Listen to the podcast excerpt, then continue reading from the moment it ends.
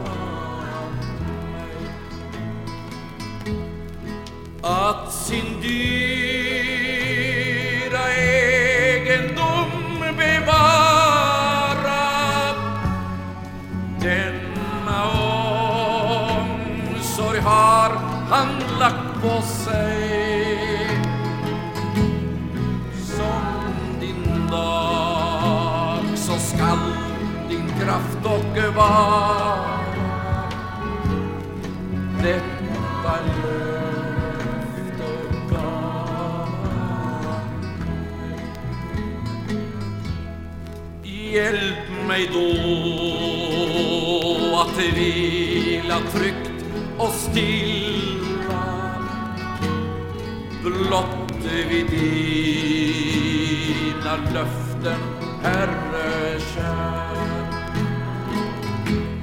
och ej trones dyra tröst förspilla som i ordet mig förvara där Hjälp mig här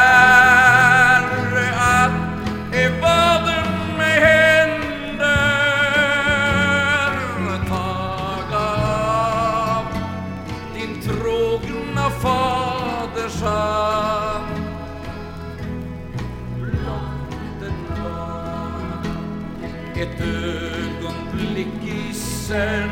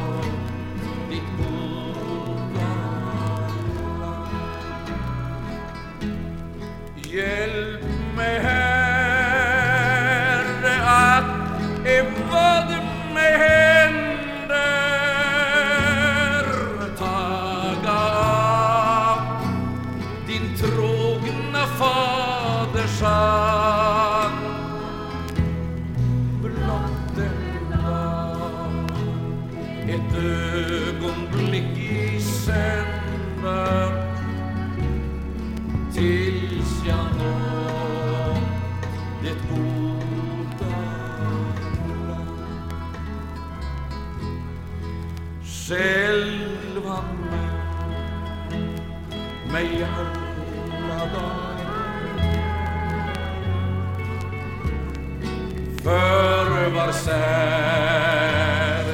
tid med särskild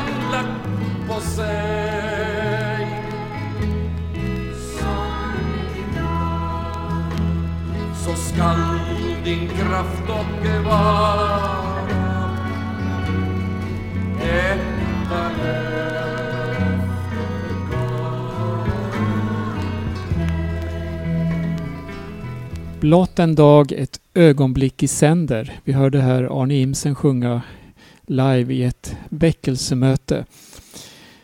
Det står så här i femte Mosebok kapitel 5 och vers 32. Var noga med att göra vad Herren, er Gud, har befallt er. Vik inte av vare sig till höger eller till vänster. En uppmaning om att i allt följa Guds ord, att vara hörsam, att söka skriften, att ja, se vad är Guds vilja? Vad säger Guds ord till oss?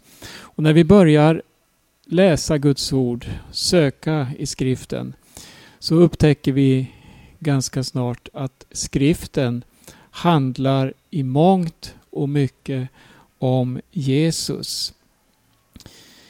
Och Det står så här i Johannes evangelium kapitel 5 och vi läser vers 46.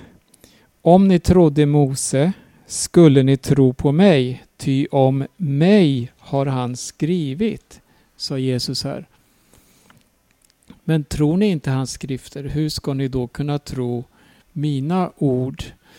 Jesus han knyter alltså samman eh, gamla och nya testamentet och han visar både i ord och handling att hela bibeln har som huvudperson Jesus Kristus.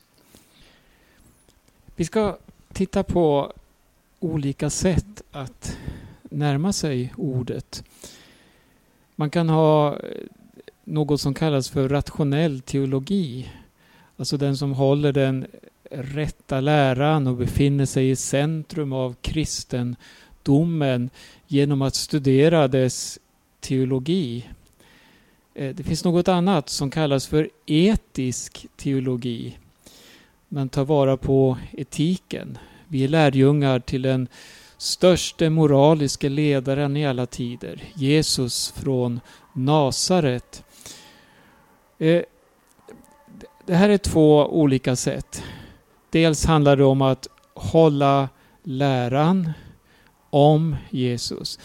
Sen det andra är att se Jesus som den stora mästaren, att följa honom, hans principer. Men när vi läser skriften, då måste vi faktiskt lägga dessa saker åt sidan och se först och främst på det som är det mest viktiga. Det är inte läran om Jesus eller etiken med Jesus som etikens mästare. Nej, det handlar om att lära känna personen Jesus framför allt. Han är, som det står i Johannes evangelium, eller Jesus själv säger, jag är vägen, sanningen och livet. Ingen kommer till Fadern utom genom mig. Det är alltså inte att lära sig läran som är vägen till Fadern, utan det är personen Jesus Kristus som är vägen till Fadern, som är vägen till livet. Eh, tänk dig en filosof. Han kan lära ut en lära i moral, etik, och sen glöms läraren bort. Men det finns ändå spår av det han har undervisat om. Läraren står kvar där. Och så här kan vi få, skulle vi kunna rada upp då många stora män genom historien. Om vi läser kyrkohistorien exempelvis så kan vi se hur olika personer i olika tider har varit med och format och gett inriktning åt kyrkan. Och det är, det är alla de här tillsammans som faktiskt format vår bild av kyrkan under historien. Och det här blir väldigt missvisande. Det blir väldigt fattigt och det blir väldigt trälbundet. Och man ska vara hänvisad då till en kyrkohistoria och dess traditioner för att eh, lära känna då Bibeln och Bibelns Jesus.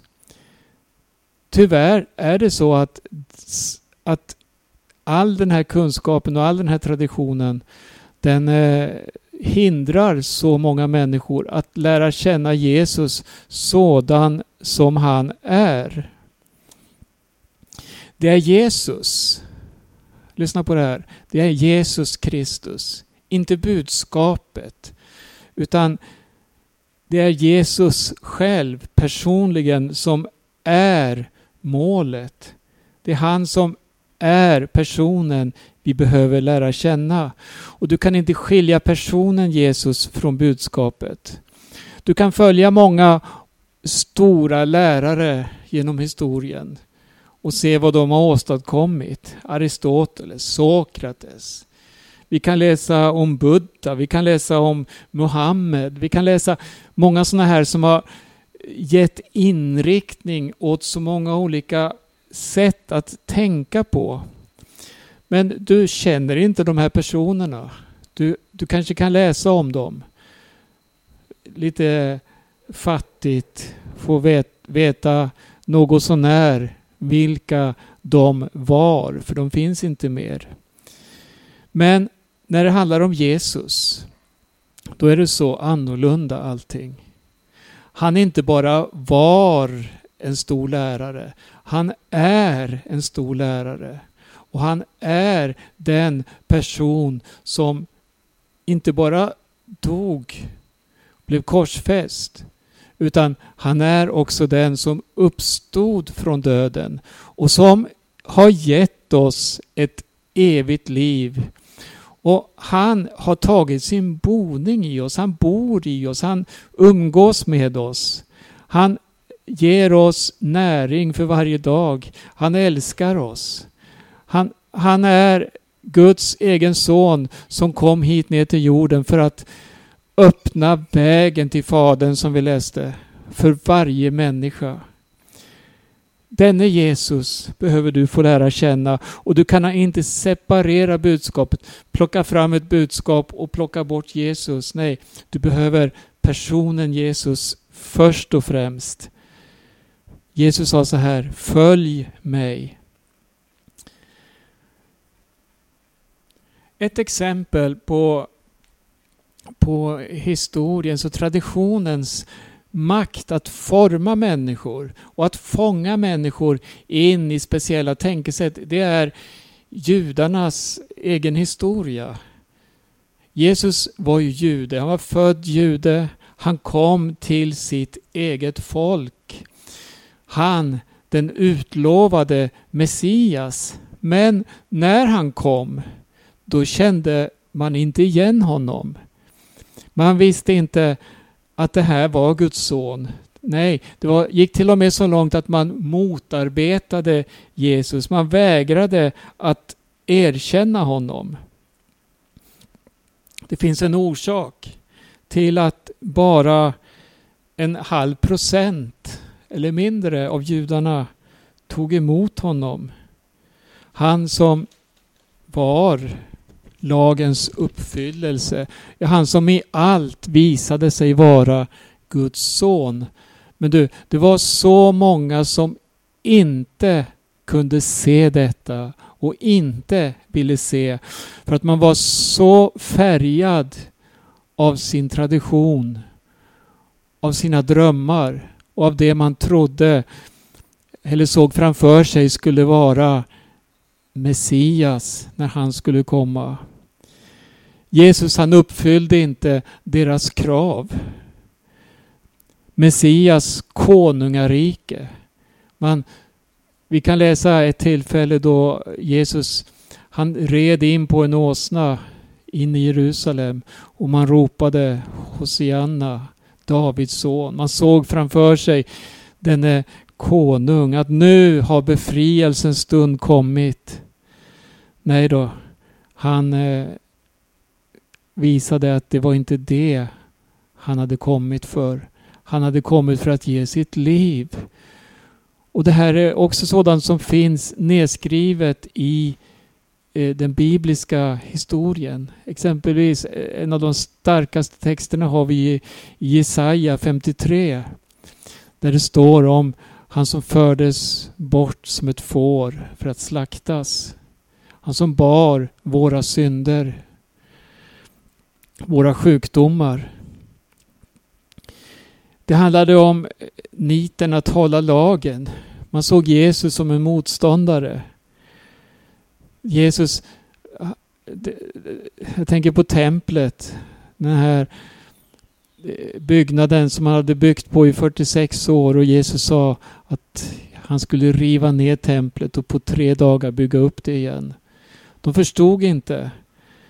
Det fanns så mycket som inte stämde överens med den bild som den judiska traditionen hade gett och med den verklighet som Jesus kom med. Det fanns ett politiskt språk, en dröm, en längtan. Men vad sa Jesus? Han deklarerade i sin undervisning Mitt rike är inte av den här världen. Bara att säga på det sättet. Vi talar ju om att han, han passar inte in någonstans. Alla drömmar raserades. Men sen samtidigt så förkunnade Jesus himmelriket.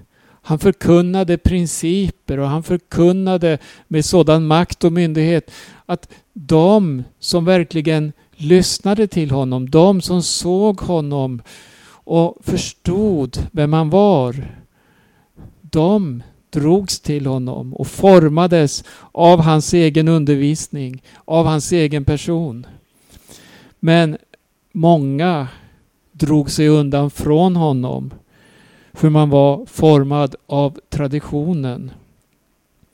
Du kan inte ta Jesu undervisning och skapa ett lyckorike. Det går inte. Trots allt det här som Jesus talar om rättfärdighet, det här social-etiska evangeliet, det här som handlar om rättvisa, om att dela med sig, om att se till den fattige. Det är självklara delar av evangelium. Men du kan inte plocka ut de bitarna och skapa ett rike här på jorden, här i tiden och tro att det här är himmelriket, det här är fridsriket. Nej, den här världen är något helt annat. Den är, Bibeln säger det också, den är i den ondes våld. Och då handlar det om att få möta en befriare. Och denne befriaren är Jesus och ingen annan. Det som driver oss att söka upp sjuka, att besöka fångar, att hjälpa den fattige. Det är först och främst Jesus. För Jesus han sa så här. Jag var sjuk. Jag satt i fängelse. Jag var naken. Jag var hungrig.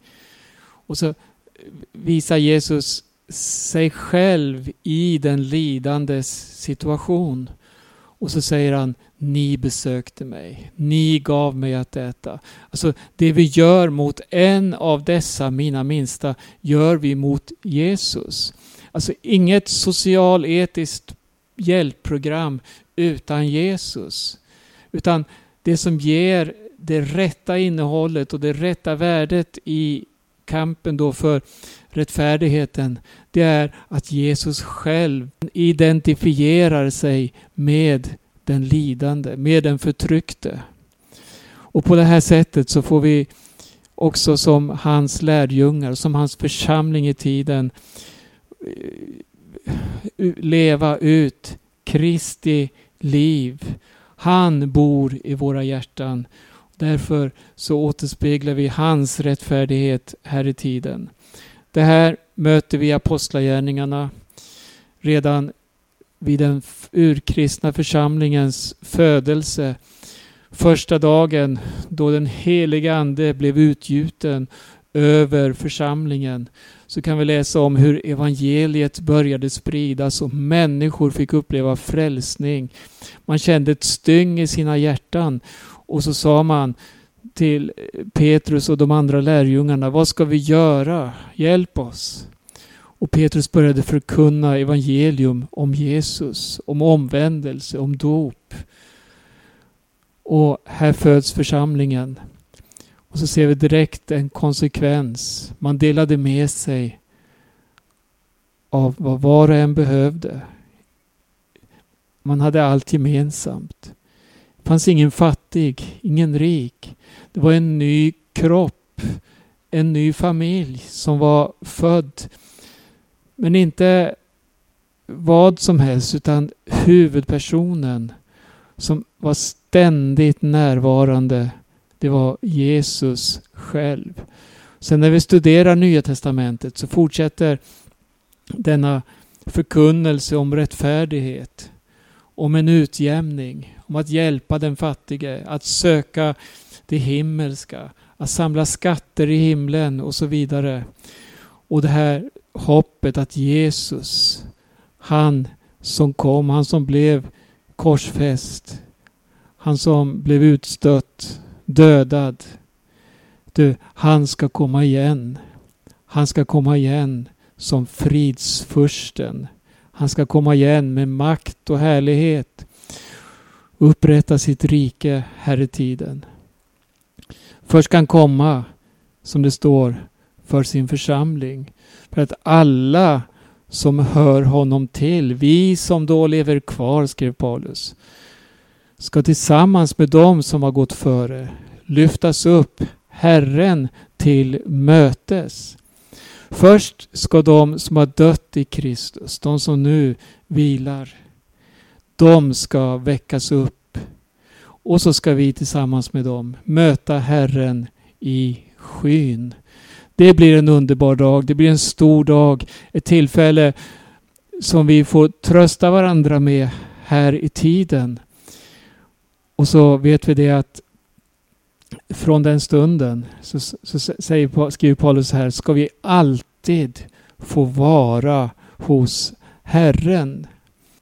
Uppmanar dig verkligen att söka Jesus, att få en personlig relation till honom. Låt honom få uppfylla ditt liv. Bli en del av hans folk här i tiden.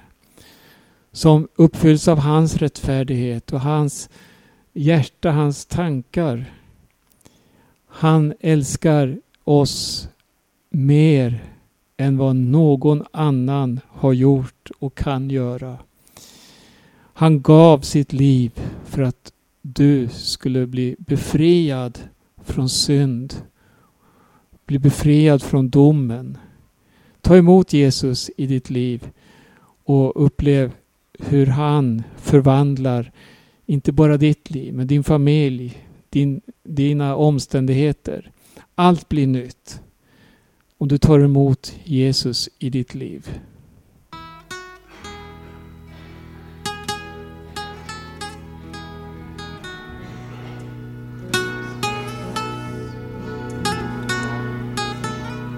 Nu ska jag de sista minuterna av det här programmet presentera senaste numret av Midnattsropet.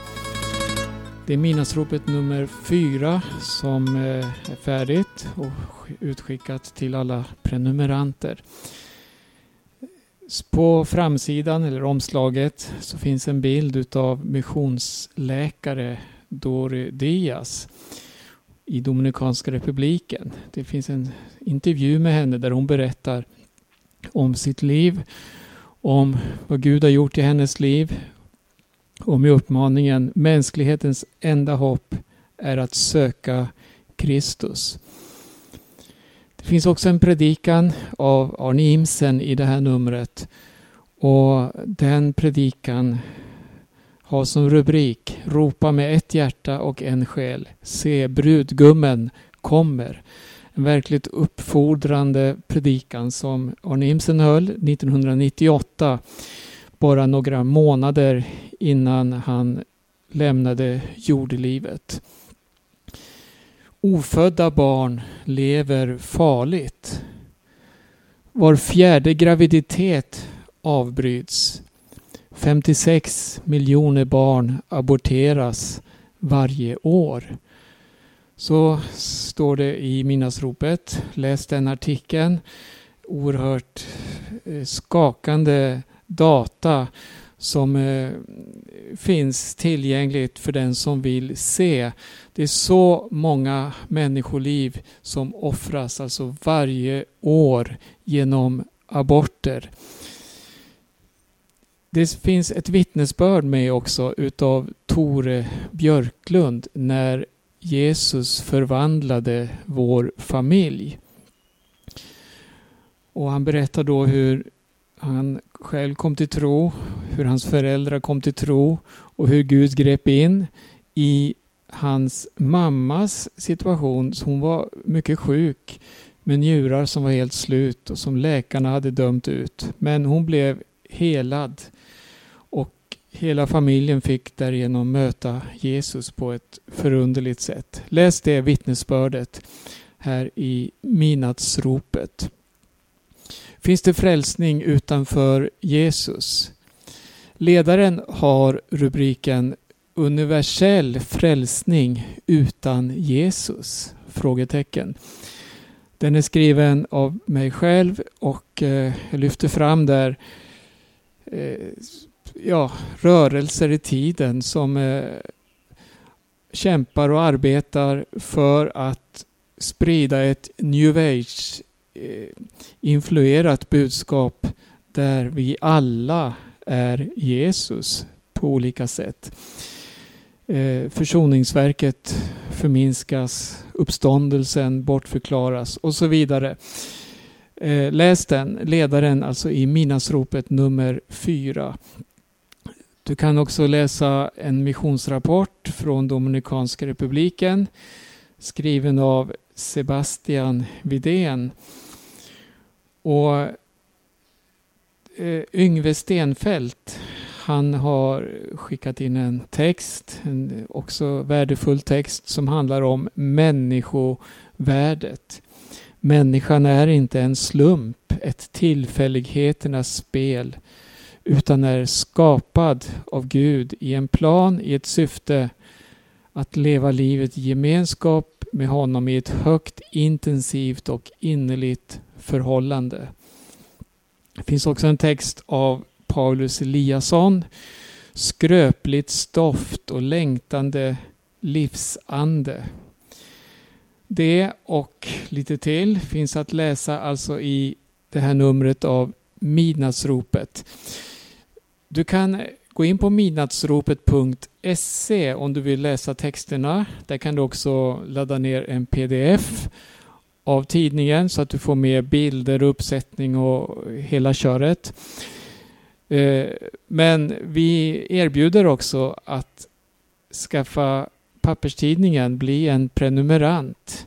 Och vi skickar tidningen kostnadsfritt.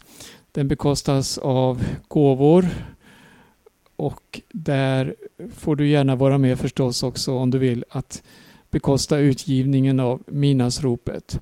Men midnattsropet.se är adressen till hemsidan.